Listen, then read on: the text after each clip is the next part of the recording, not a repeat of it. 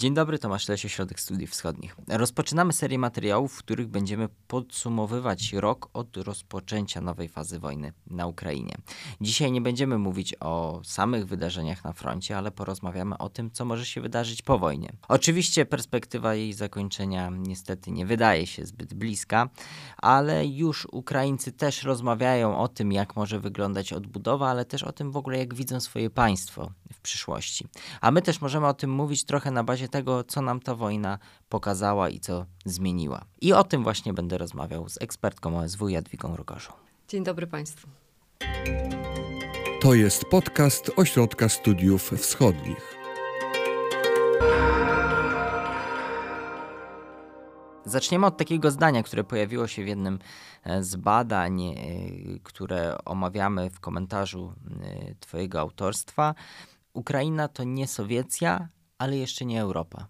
To jest cytat odzwierciedlający prawdę na luty 23 roku, czy tylko częściową prawdę albo w ogóle nieprawdę? To jest cytat sprzed kilku lat. To jest taki punkt odniesienia, e, który możemy zastosować, żeby tym lepiej zobaczyć zmiany, które się bardzo szybko dokonują, przyspieszają po 24 lutym ubiegłego roku. Więc to już nie jest prawda o Ukrainie. Chociaż oczywiście wychodzenie z wieloletniej spuścizny nie jest takie szybkie. Można e, w sferze deklaracji e, głosić jakieś inne wartości, natomiast gdzieś te nawyki, te postawy no, wykorzeniają się dosyć wolno. I natomiast Ukraińcy mają teraz gigantyczną motywację, żeby to zrobić. Bo po pierwsze, e, ta inwazja, która z jednej strony była bardzo brutalna i wręcz nacelowana na cierpienia ludności cywilnej, na niszczenie budynków mieszkalnych, infrastruktury energetycznej. Na Czyli takie zadanie, tak, zadanie jak najbardziej dotkliwych e, strat i, i, zniszczeń i cierpień dla Ukraińców. Ta inwazja błyskawicznie zniszczyła w społeczeństwie ukraińskim poczucie braterstwa, czy przynajmniej poczucie więzi z Rosją, poczucie jakiejś wspólnej y, drogi rozwoju, poczucie wspólnoty losów, e, które no, Rosja bardzo umiejętnie budowała e, przez cały czas istnienia Związku Radzieckiego, też postsowieckiej Rosji. E, więc no, ta inwazja e, bardzo szybko e, właśnie w to uderzyła. Uderzając w ukraińskie miasta, niszcząc ukraińską infrastrukturę, zniszczyła też to poczucie braterskości. I tutaj... 24 to, lutego skończył się rosyjski mir na Dokładnie, Ukrainie? to jest to, co cytuję Ruski właśnie w, w, tym komentarzu. To się dzieje z dnia na dzień, tak, że, że szok, który, którego Ukraińcy doznali 24 lutego rano, właściwie jeszcze w nocy prawie, spowodował diametralne odwrócenie postaw. E, więc o tyle e, te, te zmiany, ta, ta transformacja też społeczna jest napędzana po pierwsze poczuciem nienawiści wobec Rosji, takiego słusznego gniewu, który napędza ich do obrony, ale też E, jako skuteczna obrona Ukrainy, jako zwiększanie własnej e, odporności czy własnego bezpieczeństwa jest postrzegane e, związanie się z Zachodem nie tylko z, z Unią Europejską, z NATO, nie tylko jakimiś tam więzami wartości czy deklaracji, tylko realnie więzami instytucjonalnymi. Więc Ukraińcy też czują, że potrzebują gwarancji przynależności do świata zachodniego i to będzie właśnie poza taką transformacją wewnętrzną, to będzie ich no, gwarancja czy szansa na to, żeby się znaleźć już w bezpiecznym e, miejscu, nie ruszając się z mapy. Czyli jeżeli byśmy zapytali Ukraińców, jaka ma być Ukraina po wojnie, to jednym z pierwszych rzeczy, którą by powiedzieli, częścią, ma być częścią Europy, Unii Europejskiej, jak rozumiem, a na pewno szeroko pojętego świata zachodu. Tutaj są dwie rzeczy. Jaka ma być Ukraina, tak bardzo upraszczając. Z jednej strony ma być ukraińska, z drugiej strony ma być europejska. To wszystko razem. Bo zwrot, który nastąpił, to jest nie tylko to odcięcie rosyjskiego bagażu kulturowego, sympatii, poczucia przynależności do tej wielkiej kultury rosyjskiej, e, tylko też zwrot do własnej rodzimej kultury, historii, tradycji, postaci historycznych, symboli. E, więc Ukraińcy, którzy no, w bardzo różne grupy, w bardzo różny sposób podchodziły do rodzimej historii czy rodzimego państwa, ale bardzo często można było y, zobaczyć y, taki, taką postawę wpojoną przez rosyjskie narracje, że to ta rosyjska kultura jest tą wielką, światową kulturą, że ma rangę właśnie takiej globalnej, tak, atrakcyjnej, globalnej kultury. Natomiast ta ukraińska jest, jest prowincjonalna, jest taka podrzędna, troszkę wstydliwa. E, tak samo język ukraiński. Dzisiaj to się diametralnie zmieniło. Dzisiaj modne jest, znaczy modne, patriotyczne jest mówienie po ukraińsku.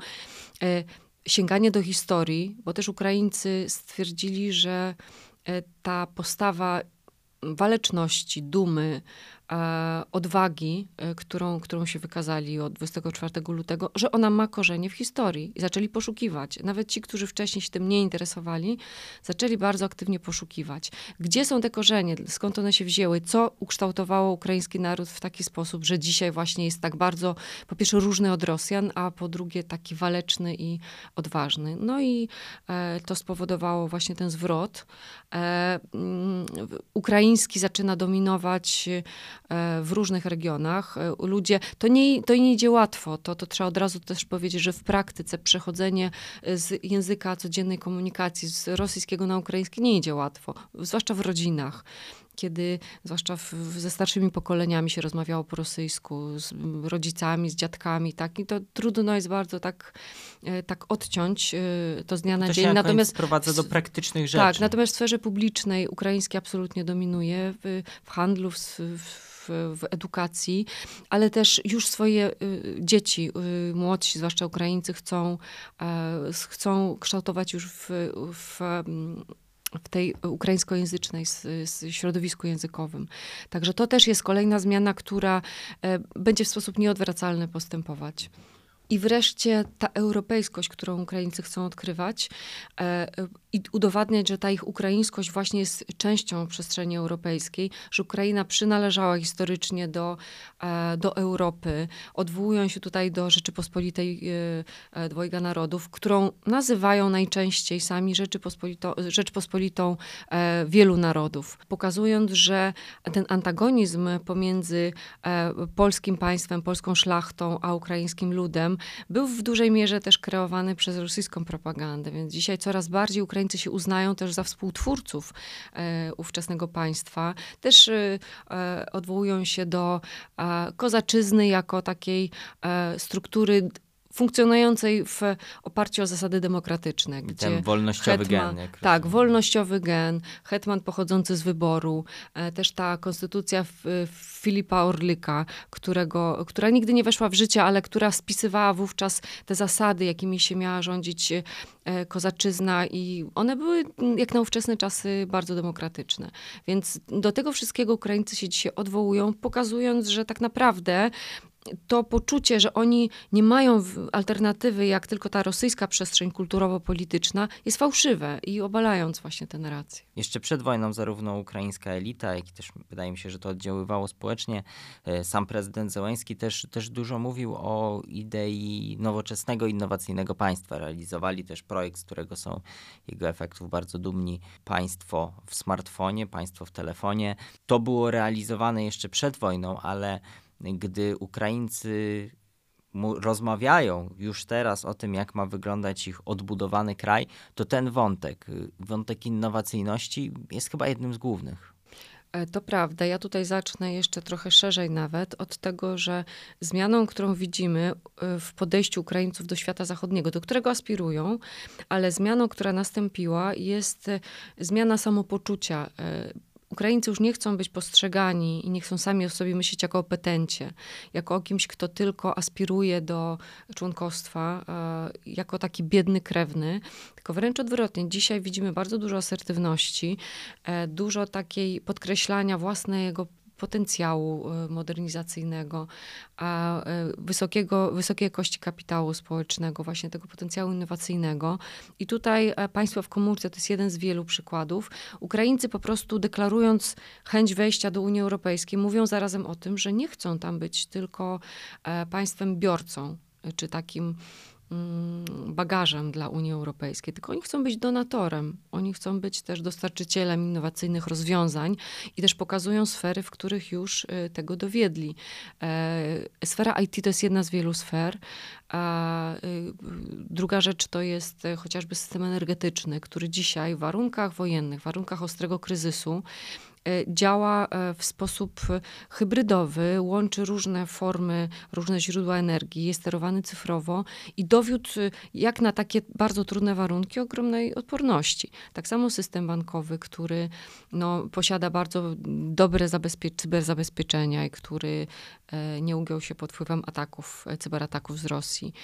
I też nie było paniki, która by spowodowała wyjmowanie gotówki z systemu bankowego. Także tutaj widzimy bardzo wiele e, sfer, które już Ukraińcy podkreślają, natomiast e, jeszcze więcej mówi się o tym, co może być zreformowane. I tutaj no, można paradoksalnie powiedzieć, że ta wojna, wojna jest brutalna i sieje potworne zniszczenia na Ukrainie. To jest straszna tragedia, bez dwóch zdań.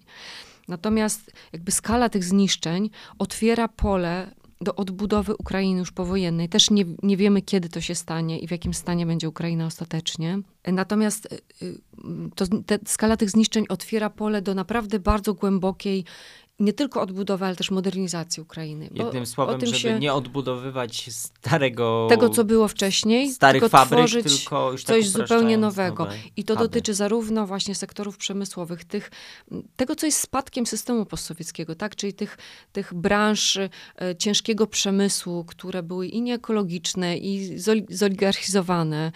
No i nie miały przyszłości, umówmy się. Nie miały przyszłości w Unii Europejskiej, która stawia na zielone energię i na, na zieloną gospodarkę. Więc tutaj ta wojna w pewnym sensie no, ułatwia Ukrainie budowanie wielu rzeczy od nowa, oczywiście gigantycznym, tragicznym kosztem.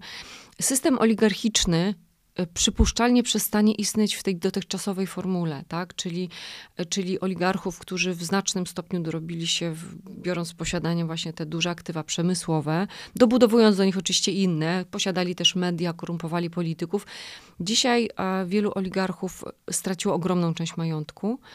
E, część mediów e, musieli zamknąć albo po prostu przekazać pod kontrolę państwową. Stracili wpływ na parlament, na, na polityków, więc generalnie część z nich wyjechała z kraju, więc generalnie wydaje się, że władze już nie pozwolą e, odbudować oligarchatowi. Czyli taki reset spotkał trochę Ukrainę. To jest reset w jednej sferze, a drugi reset to jest właśnie zmiana dominujących branż gospodarki, która będzie następowała, bo jeżeli sektory przemysłowe nie będą już tak w takim stopniu e, przynosiły dochodu do budżetu, czy na przykład rolnictwo, to jest, stoi pod znakiem zapytania, w jakim stopniu rolnictwo odzyska ten potencjał przedwojenny, E, czy być może również przestawi się na nowe tory, bo Ukraińcy też deklarują, że chcą i rozwijać ekologiczne rolnictwo i tą branżę food tech, czyli takie, taką no, nowatorską, preparowaną żywność. A więc zobaczymy, e, jakby tak samo mówi się, że e, część miast być może nie zostanie odbudowanych, część miast, które dzisiaj są zrujnowane, ze względów logistycznych nowego rozplanowania kraju też nie będzie odbudowana, więc tutaj zmieni się też układ miast, zmieni się struktura społeczna, bo no tutaj mamy ogromną, gigantyczną wyrwę demograficzną w tym momencie, wynikającą zarówno ze skali ofiar, ale też przede wszystkim z, ze skali uchodźców, znaczna część których, jak możemy domniemywać, nie powróci na Ukrainę, a przynajmniej nie w pierwszym okresie, gdzie być może nie będzie miało do czego wrócić. Y, również ogromne koszty psychiczne, z którym się boryka społeczeństwo. No, o tym się bardzo dużo mówi, że około 10 milionów ludzi e, ponosi ogromne koszty psychiczne e, związane z syndromem PTSD, z depresją. I to są tak rzeczy, dalej. które będą koszty się zdrowotne. wiele tak, lat do przodu. Dokładnie, też, też e, no, wzrost demograficzny już dawno się na Ukrainie skończył i teraz mówimy tylko o kolejnym pogłębieniu negatywnego trendu. Więc... Plus, jak rozumiemy, roz, mówimy nie tylko o tej emigracji stricte wojennej, ale już jak mówimy o no, sytuacji powojennej, no jak rozumiem, też możemy się spodziewać, że e, wielu Ukraińców teraz na przykład zostało mężczyzn na przykład z oczywistych przyczyn, no ale potem, gdy już sytuacja będzie spokojna, będzie trudna sytuacja ekonomiczna, to jest pewne i trudna to jest łagodne określenie, też możemy, jak podejrzewam, spodziewać się kolejnej fali z kolei opartej tylko i wyłącznie na przesłankach ekonomicznych kolejnej fali emigracji.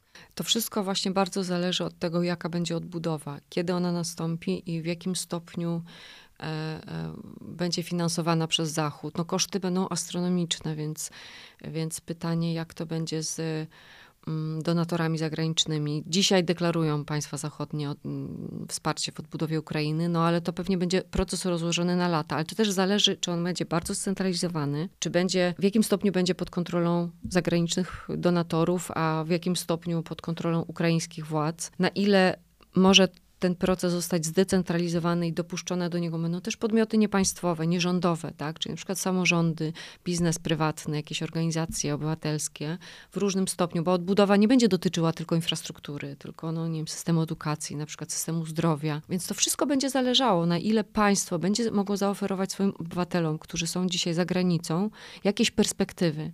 Bo to też nie jest tak, że Ukraińcy za granicą... E, zyskali, być może zyskali bezpieczne życie, ale bardzo często ich pozycja zawodowa czy społeczna no jest, jest niższa niż na Ukrainie. Jeżeli oni dostaną perspektywę uczestniczenia w odbudowie, po pierwsze zyskania też, od, odzyskania miejsca do mieszkania, ale też e, bycia zaangażowanym w, w ten proces i, i, i zawodowo i, i, i, też jakoś w sensie ich aspiracji, to, to myślę, że to może być poważna zachęta dla, dla obywateli. Ale to o tym mówimy na razie w czasie przesz, przyszłym i, e, i jest bardzo wiele znaków zapytania. Natomiast projekty są, y, dyskusje trwają. Y, poza tymi zagranicznymi konferencjami, które zapoczątkowała konferencja w Lugano w lipcu ubiegłego roku, cały czas się odbywają kolejne konferencje. Też na Ukrainie trzeba powiedzieć, że sektor obywatelski bardzo aktywnie dyskutuje. Jest bardzo dużo tekstów programowych, jaka ma być ta nowa Ukraina, właśnie y, zreformowana gruntownie, ale też asertywna, nowatorska, nowoczesna, również zostawiająca za sobą swój własny bagaż właśnie takiego bycia spichlerzem Europy, czy dostarczycielem taniej siły roboczej. Więc pomysłów jest bardzo wiele ale y, rzeczywistość no, może być y, dosyć, dosyć trudna. Tak, jest cały czas trudna. Zaczęłaś mówić o tej e, działalności obywatelskiej. Tu chciałem o dwóch kwestiach e, powiedzieć. Może najpierw o tej powiedzmy takiej właśnie systematycznej, takiej niezwiązanej stricte z działaniami wojennymi. Ostatnio na Ukrainie mm, sporo było mowy o skandalach korupcyjnych związanych z pomocą wojskową i też no, różnymi negatywnymi przykładami tego, jak no, ona nie była w sposób e, transparentny wykorzystywana, z tymi przypadkami korupcyjnymi. O tym było głośno, ale spojrzymy na ten problem trochę od drugiej perspektywy. Społeczeństwo obywatelskie, watchdogi na Ukrainie działają. Działają bardzo dobrze. I te skandale nie zostały zamiecione dy pod dywan, tak jak możemy domniemywać w wielu przypadkach się działo. Ale tutaj one, społeczeństwo obywatelskie zadziałało, pokazało, że takie skandale się dzieją. I to może jest też jakiś wskaźnik tego, jak może być, jak może Ukraina wyglądać, że może to być bardzo dobre społeczeństwo obywatelskie z bardzo rozwiniętymi instytucjami, takimi jak watchdogi, które są niezwykle ważne dla demokracji. Tutaj ważne jest, żeby podkreślić, że nie same skandale są problemem, tylko korupcja jest problemem. Skandale można uznać za pozytywne Objaw. zjawisko. Pozytywne zjawisko, dlatego że one nie są y, władze, które, e, władze i cała sfera urzędnicza, która y, jakoś zblatowana właśnie z biznesem, która przywykła do czerpania tej renty korupcyjnej i szuka ciągle nowych sposobów, no bo to też Ukraina w przeciągu ostatnich lat wdrażała różne e, e, zmiany, które miały przynajmniej ograniczać to zjawisko. Tak? Wszedł system przetargów e, publicznych, e, taki elektroniczny system Prozorro w 16 bodaj roku, który E, który miał jakby w sposób przejrzysty dawać dostęp wszystkim obywatelom do wszystkich przetargów państwowych. I to, to rzeczywiście sprawę zmieniło. No nie wyeliminowało wszystkich patologii, bo tak jak mówię, mm, mm, ci, którzy, ci, którzy bogacili, szukali ciągle nowych sposobów. E, natomiast dzisiaj e, widzimy, że ta sfera, że, że korupcja dotyka też sfery strategicznej. To, co powiedziałeś, dostawy dla wojska. Co prawda to chodziło o dostawy żywności, ale niemniej jednak E, jest to sfera strategiczna i e, ten skandal korupcyjny, który, który wspomniałeś, był zrobiony w sposób taki dosyć prostacki, znaczy e, ten przekręt korupcyjny był pomyślany w sposób prostacki, banalny, bardzo łatwo wykrywalny, więc społeczeństwo w, w, w, właśnie w osobie watchdogów bardzo szybko to podchwyciło. Przy czym ważne jest też, żeby podkreślić, że tak, społeczeństwo poniekąd samo uczestniczyło przez lata w korupcji, no bo tak, tak ten system takie reguły wytworzył. Z drugiej strony e, deklaruje, e, deklaruje chęć zwalczenia korupcji. Walka z korupcją to jest jeden z tych siedmiu kluczowych wymogów Komisji Europejskiej na drodze akcesyjnej Ukrainy, więc tutaj to społeczeństwo też ma poczucie, że jak te, ta sfera nie zostanie zreformowana, to po prostu ich perspektywa członkowska oddali się w nieskończoność. E, dlatego e, jest, jest determinacja. E, wreszcie struktury antykorupcyjne, te społeczne, są dosyć silne, aktywne. One są, są NGOsy, które są finansowane przez zachodnie granty, które bezlitośnie wytykają władzom wszystkie e, takie działania, czy, czy w ogóle zapędy korupcyjne. I e, też ostatnio, e, przy, właśnie w, przy okazji tej afery z dostawami do wojska, żywności dla wojska, mm, społeczeństwo, dziennikarze śledczy e, takim, wystosowali taki silny przekaz do władz, że ta konsolidacja wojenna, która towarzyszyła właśnie władzom na, od początku wojny, teraz się skończyła. E, społeczeństwo jakby zawiesza moratorium na krytykę władz, tak, takie zjednoczenie wokół władz y, dla, dla, zwiększenia, dla zwiększenia potencjału państwa. Tylko od, od tego momentu taryfa ulgowa się skończyła. Skoro są takie poważne skandale, to, to już y, jakby, no władze się nie będą cieszyły żadnym immunitetem. Więc to też jest ważne, tak? Że z jednej strony te władze, które się wykazały bohaterską postawą, E, i aktywnie działają też na rzecz, e, na rzecz zdobywania dla Ukrainy kolejnych rodzajów broni, uzbrojeń i, i, i sprzętów. Mimo wszystko nie będą rozliczane z innych, e, z innych dysfunkcji, z jakichś posunięć, które są kontrowersyjne. Także tutaj widzimy, to też jest kolejna cecha ukraińskiego społeczeństwa, w odróżnieniu do rosyjskiego, która nie podchodzi do władzy w sposób sakralny. Władza nie jest bytem sakralnym. Sakralny Władza, i bierny też. Tak, e, tak. Ukraińskie społeczeństwo jest sprawcze, jest wobec władz krytyczne, podejrzliwe e, i też nie, nie waha się to manifestować, więc no, te skandale są potwierdzeniem, ale też bardzo wiele innych rzeczy potwierdza tą sprawczość społeczną, bo mamy wysyp różnych inicjatyw, fundacji, organizacji, które pomagają e, wojsku. W ogóle to jest taki, taki front narodowy, można powiedzieć, ruszył, bo to od dużych fundacji, które zbierają ogromne, y, ogromne fundusze, po osoby pojedyncze, na przykład nawet dzieci, które powiedzmy, zwłaszcza latem, e, podejmują się różnych prac, czy na przykład myją szyby samochodów gdzieś tam na, na, przy skrzyżowaniach, e, z taką tabliczką, że cały dochód jest przeznaczony na siły zbrojne Ukrainy. Czy grajkowie uliczni, którzy też mają zawsze takie tabliczki wystawione, że 30% dochodu idzie na siły zbrojne Ukrainy. Że to się taki, taka moda też trochę, że w społeczeństwo, nawet takie zubożałe społeczeństwo jak ukraińskie dzisiaj, ma poczucie, że koniecznie musi e, dzielić się swoim dochodem, musi wspierać to wojsko, dlatego że to jest kwestia egzystencjalna, wygranie tej wojny. Dlatego, że no, po raz kolejny zobaczyli to oblicze, oblicze Rosji. E, I jeżeli Ukraina przegra tę wojnę, to, no, to będą mieli właśnie e, państwo, które będzie represyjne, barbarzyńskie,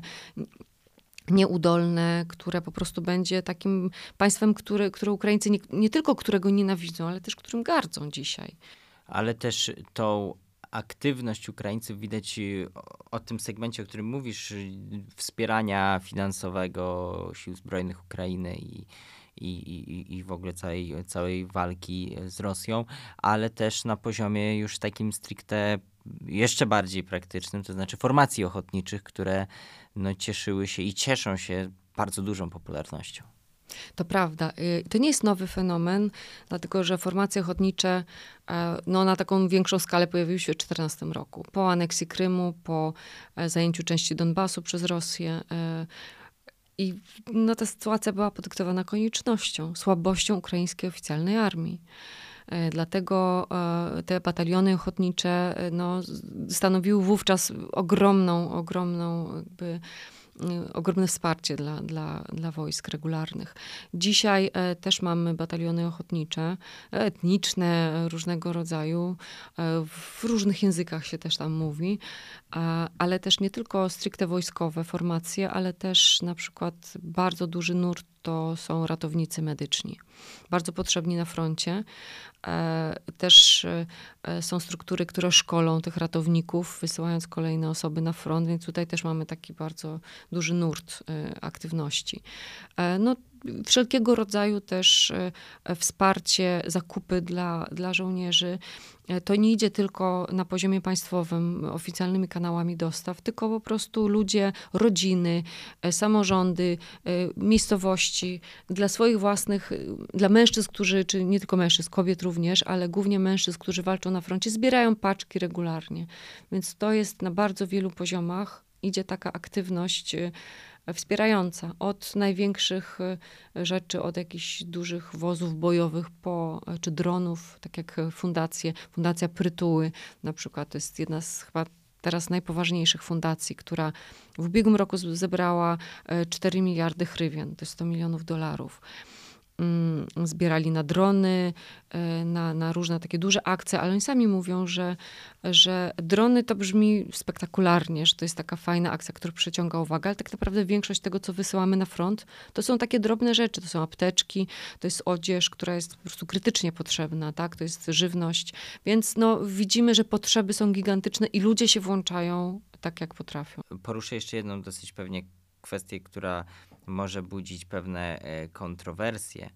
To znaczy, jacy będą bohaterzy tej nowej Ukrainy? Jakie pomniki będą stać? Bo to, że nie sowieckie, postsowieckie, to już widzimy. Ich jest prawie że z dnia na dzień coraz mniej. Ale jakie będą stawać na ich miejscu? Jakie będą ulice? Czyjego imienia?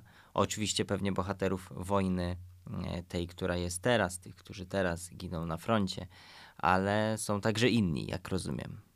Bezsprzecznie tutaj następuje ukrainizacja też tej sfery memorialnej, symbolicznej i, e, i bohaterowie są różni. Bohaterowie z przeszłości, ale też współcześni bohaterowie. To może zacznę od tych współczesnych. Oczywiście oni nie mają na razie pomników czy e, nazw ulic, e, ale to są bezsprzecznie bohaterowie, którzy weszli do tego panteonu.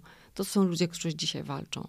Poczynając od generała Załużnego, dowodzącego siłami zbrojnymi Ukrainy, aż po, też po bardzo wielu zasłużonych, y, odważnych y, wojowników. E, natomiast jeżeli idzie o bohaterów historycznych, to tutaj mamy taką właśnie tendencję derusyfikacji i ukrainizacji. I ta ukrainizacja oznacza e, sięganie po bohaterów, e, znaczy on, nie możemy powiedzieć, że zupełnie nowych dla Ukrainy, natomiast dzisiaj jeszcze ważniejszych niż kiedykolwiek wcześniej. Mm, to dotyczy bohaterów e, z czasów dawnych, pisarzy, postaci historycznych, hetmanów.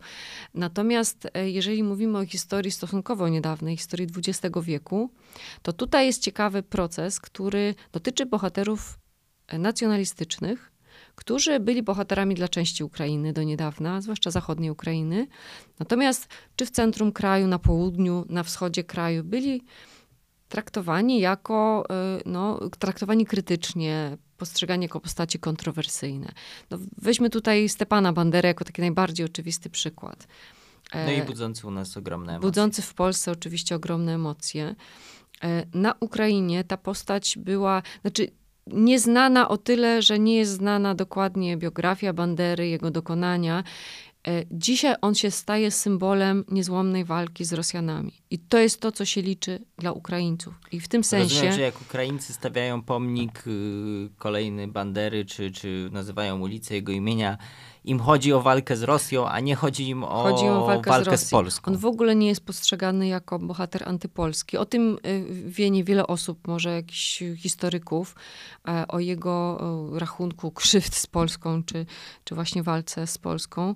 E, dlatego też bardzo wielu Ukraińców, jak słyszy zastrzeżenia ze strony Polski, bardzo się dziwi, bo oni nie wiedzą nie dlaczego, rozumieją. nie rozumieją tego, dlatego że e, w percepcji społecznej Ukrainy E, taka bardzo uproszczona, zmitologizowana wersja Bandery czy innych e, przedstawicieli OUN, UPA jest przedstawiana. I tam się liczy przede wszystkim walka z rosyjskim okupantem. I o tyle to jest ważne, że rysuje się taka, taka analogia historyczna, taka ciągłość, tak, że państwo ukraińskie zawsze musiało walczyć z rosyjskim okupantem tak w XX wieku, czy wcześniej, jak dzisiaj. I w tym sensie Bandera, czy e, inne postaci, nawet Roman Szuchewy, czy e, zwierzchnik UPA, są bohaterami tylko dlatego, że walczyli z Rosjanami. No więc oni są zredukowani do tego jednego wymiaru e, i e, inne fakty z ich biografii nie są znane. I w tym momencie nie ma gotowości w społeczeństwie ukraińskim. Też nie ma, jakby są o, o wiele bardziej palące problemy, e, bardziej namacalne dla Ukraińców, ale też nie ma takiej gotowości w tym momencie do tego, żeby niuansować ich biografię, żeby, żeby bardziej krytycznie też podchodzić do tych bohaterów. Natomiast no, to, co widzimy, to są przy zmianie e, nazw ulic chociażby, e, pojawia się właśnie bardzo dużo tych bohaterów, przy czym na wschodzie kraju. Dlatego, że na zachodzie kraju oni wcześniej mieli i pomniki, nazwy ulic, i, czy alei, a natomiast na wschodzie kraju e, tam, gdzie te nazwy no, zachowały się jeszcze takie w znacznej mierze takie sowieckie czy rosyjskie, przy zmianie dzisiaj Szuchewicz, Roman Szuchewicz pojawia się w bardzo wielu miastach. Bandera e, również, więc to, to, jest, to jest ruch w tym kierunku. Oczywiście też bardzo wiele ukraińskich elementów, też nazw miast, właśnie tych nazw miast bohaterów, e, które bohatersko walczyły teraz z Rosjanami, czy, czy w ogóle takich ukraińskich, e, ukraińskich zjawisk od, od, historycznych po przyrodnicze wszelkich. Ale też trzeba powiedzieć, że pojawiają się postaci zachodnie. E, również postaci historyczne polskie się pojawiają w nazwach zmienianych, uli, zmienianych nazwach ulic. Często pojawia się ulica Warszawska też. Ulica Warszawska, e, e, Stanisława Lema w Lwowie się pojawiła, ulica Polska w Dnieprze. Więc tutaj też widzimy, no ale na przykład ulica Steve'a Jobsa się pojawiła, właśnie sąsiadująca z ulicą Szuchewicza w Izjumie to też są zabawne czasami takie koincydencje. Więc, e, więc Ukraina ewidentnie ewidentnie jest przekonana, że sfera symboli jest niezwykle ważna, że tak jak takie, to, co cechuje społeczeństwo postsowieckie, że ono żyje trochę tak inercyjnie w tych w całym anturażu e, symboli jeszcze dawnych, tak? Niby nie jest to takie ważne, niby nie zwraca na to uwagi, ale tak naprawdę jest sformatowane przez to. Dlatego dzisiaj Ukraińcy są zdeterminowani, żeby wyczyścić całą przestrzeń i żeby ją zapełnić własnymi bohaterami. Może za e, jakiś czas y, dojdziemy do tego, że Ukraińcy będą chcieli tym bohaterom własnym się przyjrzeć bliżej. Natomiast dzisiaj mamy fazę taką gloryfikacyjną i e, taką asertywną próbę pokazania światu, jak ważna, jak wspaniała jest Ukraina. Ale jeszcze chciałam na koniec, w kontekście oczywiście tego, o czym rozmawiamy, zapytać Cię o stosunek Ukrainu, Ukraińców do do Polski. Jaki, może to być pytanie oczywiste, ale jaki oni mają w tym momencie stosunek do Polaków? Na jakim to jest poziomie? Czy te dobre relacje, które, które widzieliśmy, czy to się cały czas utrzymuje? Czy ten, ta wdzięczność y, za pomoc, którą udziela Polska w każdej formie, czy to cały czas jest żywa? Tak, dlatego że Polska też cały czas dokonuje takich dużych wysiłków na rzecz no, lobowania tak naprawdę interesów Ukrainy e, w świecie zachodnim. E, Polska i Stany Zjednoczone są postrzegane jako takie dwa główne filary pomocy Ukrainie. E, pomocy zbrojnej, ale też politycznej, geopolitycznej. Dlatego ten trend, który od samego początku się zarysował, Polska była na czele rankingów państw sojuszniczych e, polskie społeczeństwo było na pierwszym miejscu wśród narodów sprzyjających Ukrainie, takich nawet bratnich, tak? Właśnie to poczucie braterstwa, które zostało zerwane z Rosją, pojawiło się poczucie braterstwa z narodem polskim, który no nie tylko pomaga Ukrainie wygrać tę wojnę, ale też przyjął uchodźców, udzielił po prostu wszelkiej pomocy humanitarnej, takiej też y, Ważne jest to, że my y, z Ukraińcami dzielimy y, tą wizję zagrożeń, że my, nas nie trzeba przekonywać o tym, że Rosja stanowi zagrożenie powtarzające się permanentne, tak? Więc o tyle czujemy się bardzo blisko siebie, tak jakbyśmy jakby e, e, ramię w ramię, czy może e, stojąc do siebie plecami, musieli się bronić jakby przeciwko temu samemu wrogowi, więc tak, przypomina mi się tyle... sytuacja, nagrywaliśmy film, który skądinąd polecam, polecam na naszym kanale YouTube'owym OSW. Robiliśmy film w Berlinie o tym, jak wyglądają rea re reakcje Niemców, jaki jest ich stosunek do wojny i tak dalej. I idąc przy ambasadzie rosyjskiej, zobaczyliśmy zniszczoną e, wystawę e, o zbrodniach rosyjskich na Ukrainie. I akurat w momencie, w którym przechodziliśmy, była, pojawiła się pani Ukrainka, która tą wystawę przygotowywała. I ona na naszych oczach zobaczyła, że ta wystawa została zniszczona. I nie wiedziała, że jesteśmy Polakami i podeszła do nas, jako że byliśmy dosłownie pierwszymi przechodniami najbliższymi i zaczęła tłumaczyć, próbować tłumaczyć o co chodzi o, o zbrodniach rosyjskich. My jej tylko powiedzieliśmy, że jesteśmy z Polski, a ona powiedziała, a to nie muszę wam tłumaczyć. No tak, dokładnie Taki tak. przykład anegdotyczny, ale ta wspólnota zagrożeń też, też jest czymś, co, co łączy. Więc raczej, jak rozumiem, relacje polsko-ukraińskie na tym poziomie społecznym w tej nowej Ukrainie także rysują się dosyć pozytywnie. E, bardzo pozytywnie, co nie znaczy oczywiście, że nie pojawiają się czasami jakieś konkretne napięcia. E, mm, czasami dotyczą elit, czasami dotyczą jakichś wybranych grup społecznych. E, to, że ukraiński parlament uhonorował dzień urodzin Bandery, zamieszczając na, swoim, na swoim Twitterze zdjęcie e, generała założnego zwierzchnika sił zbrojnych z banderą.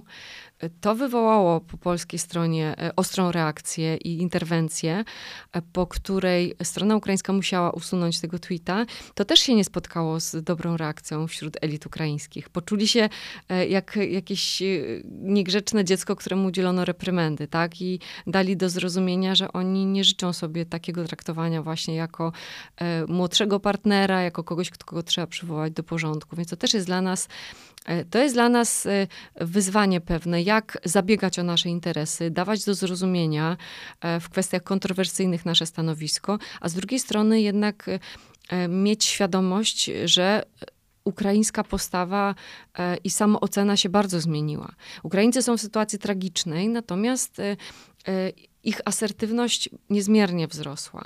Czy to jest taka, można by powiedzieć, desperacka asertywność, która sprawia tak, e, pod, pod tą asertywnością jest właśnie duma, poczucie, że e, są waleczni, że na nich się trzyma bezpieczeństwo Europy, że oni opłacili daniną krwi swoją przynależność do tej Europy, że oni tak naprawdę stanowią tą zaporę przed rosyjską nawałą, która mogłaby pójść dalej. Więc, więc dzisiaj mamy do czynienia z Ukrainą, która jest w tragicznych warunkach, a jednocześnie o wiele bardziej pewna siebie, asertywna i no może nie roszczeniowa, ale jej aspiracje są daleko idące. Ona na pewno nie chciałaby być traktowana właśnie jako ten e, taki enfant terrible, e, czy, czy chory człowiek Europy. Chcą budować Europę nie tylko od niej brać. Dokładnie tak. Czują się częścią Europy, chcieliby ją współtworzyć. Ten podcast może ciężko nazwać optymistycznym w takich, war w takich warunkach, w jakich go nagrywamy, gdzie wojna cały czas trwa, ale mam nadzieję, że może chociaż trochę nadziei, że, że Ukraina będzie odbudowanym po pierwsze, po drugie nowoczesnym państwem należącym do wspólnoty europejskiej, do Unii Europejskiej, czy do szeroko pojętego świata zachodu. Mam nadzieję, że taka nadzieja, taką nadzieję pokazaliśmy i tego, jak sami Ukraińcy widzą to państwo. Myślę, że można powiedzieć, że każdy kryzys jest szansą, też dla, w wymiarze indywidualnym również, tak w wymiarze całego państwa, dopóki kryzys trwa, dopóki, bo, bo to jest bardzo ciężko. Natomiast ten kryzys jest ogromną szansą e, na zmianę tego, tych dysfunkcyjnych warunków, w których Ukraina funkcjonowała przez lata. Przez 30 lat to państwo funkcjonowało w takich postsowieckich oparach e, toksycznych, e, które e, właśnie przyczyniły się do wytworzenia się tam systemu oligarchicznego, e, niesprawnych rządów i też tego społeczeństwa, które tak dryfowało pomiędzy właśnie tą postsowiecką spuścizną a aspiracjami.